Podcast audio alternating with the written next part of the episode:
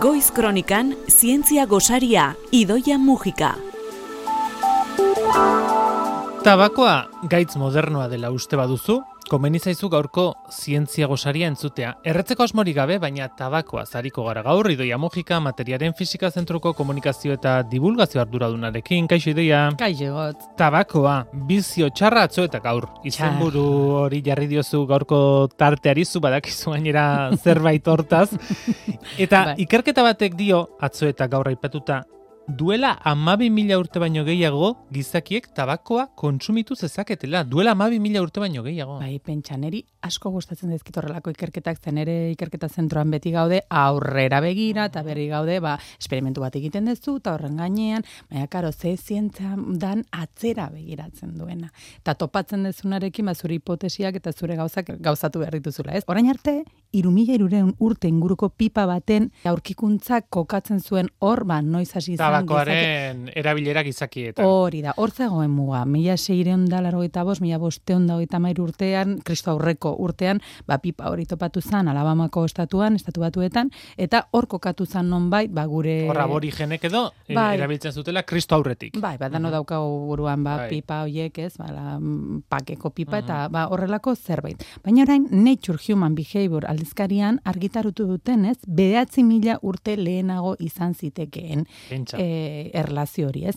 Bueno, zehazki, ikerlariek ukitu gabeko giza etxe bat identifikatu zuten, osea, zu pentsa, topatzen dezula etxe bat, ama bi mila urtekoa, eta hor dauden altxor guztiak ikutu gabe. Eta haien artean, errauts batzuen tartean, ba, olako su baten inguruan, ale batzuk, hazi batzuk topatu zituzten tabakoarenak, ez? Horrekin esatea erretzen zala ez dago.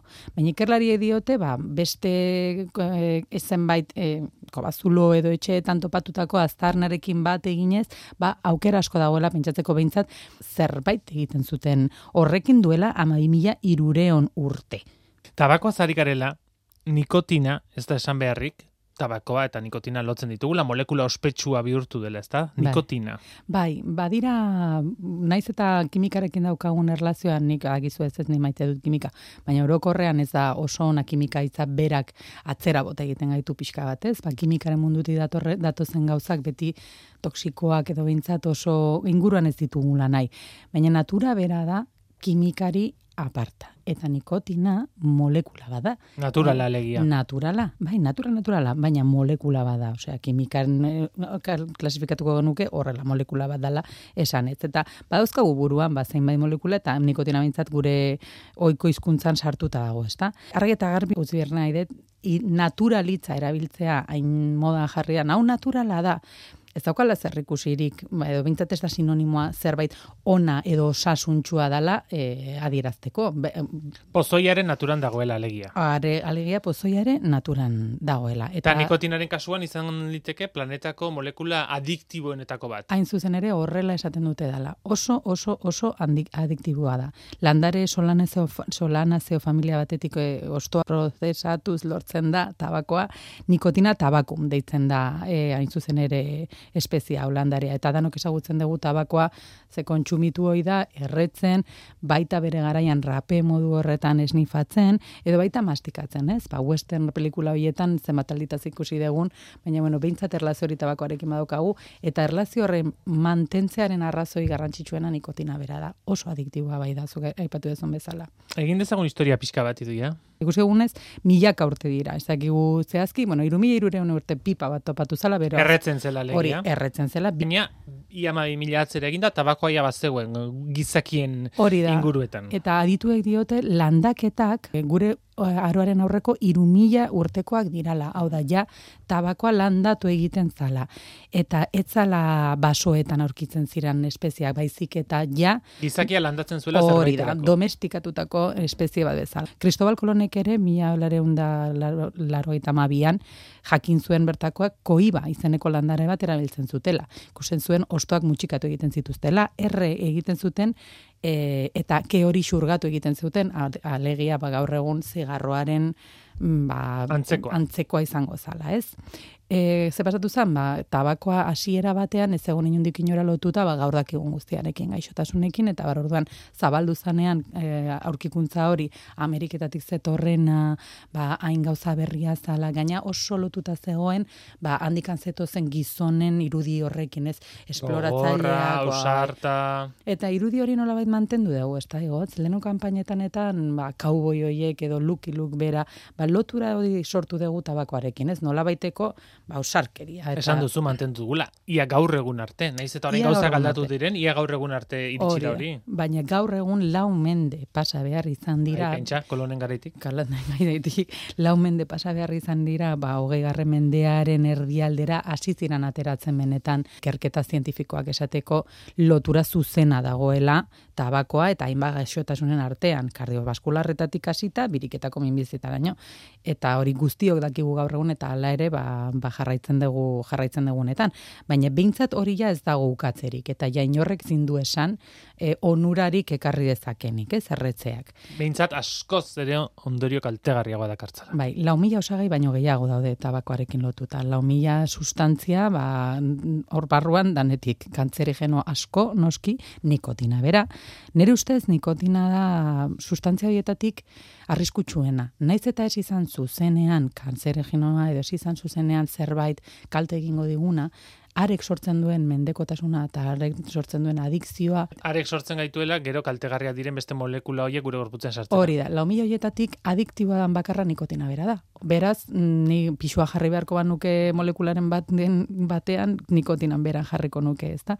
Kokaina edo heroinak sortzen duen mendekotasuna baino handiagoa dela dute diote ikerketa askorek nikotinarena eta pentsa droga legala da. Kontsumitzen utzi digute, ba, betidanik eta esaten dugun lotura Historia guztia. hori guztia gaina atzetik.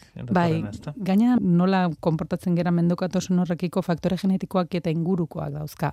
E, Ikerketa asko diote ADN-ean bertan ikusi daitekela pertsona bat joera eukiko duen edo ez mendekotasun hori garatzeko. Dano dakigu batzoi beste baino gutxiago edo gehiago kostatzen zaiela erretzeari utziaten. Usteatan eri grazia asko egiten dit esaten dutenean, ez ba, hiru egun dira Txarrak. Mendekotasun fisikoak entzeko, eta gero dana da psikologikoa.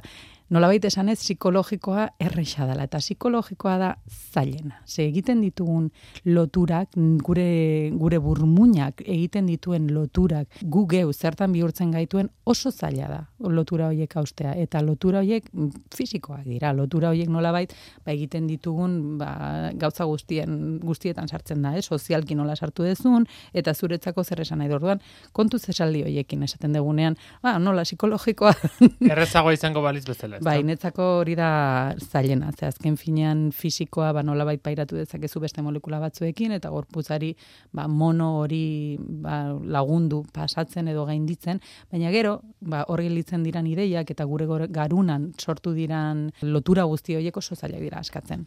Tarte amaitzeko, egin diguzu alako ranking bat, lehen esan duzun horri lotuta, ezta? Toxiko naturalak eta sintetikoak. Bai, e, hau gustatzen zait e, aipatzea ze Royal Society of Chemistry of London ba, e, modu asko daude, ez? Esateko zerran toksikoagoa eta zer ez, baina bueno, mm, ikerketa munduan akademia honek esandakoa ba hartzen da aintzat. Zazpi sustantziak kokatzen dituzte toksikoenak munduan. Zazpi horietatik bost naturalak dira. Bost naturak egindakoak dira. Bi gizakiak egindakoak. Sarin gasa, ba, aski ezaguna, Eta- bai, eta dioxinak. Baino E, Horiek ere bai. Toxikoen erregina dudarik gabe botulinum toxin A deitzen da. E, agian ezagunagoa izango zaizue botox tratamenduak.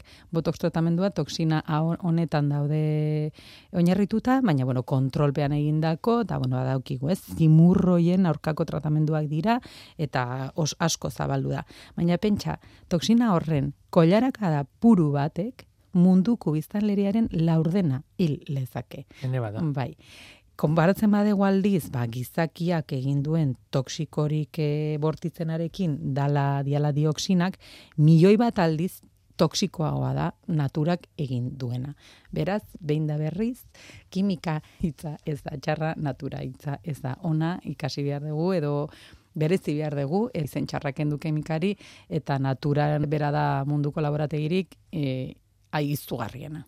Onerako eta Eta eta, txarrerako. bietarako. Bai. Bereizten eh, jakin behar eta horretarako etortzen zarazu besteak beste guri informazio hori eskaintzera igande goizero goizero zientzia gosarien idoia mugika mila esker datorren astean amaia arregi etorriko zaigu baina tokatuko gara berriro. Bai, aio.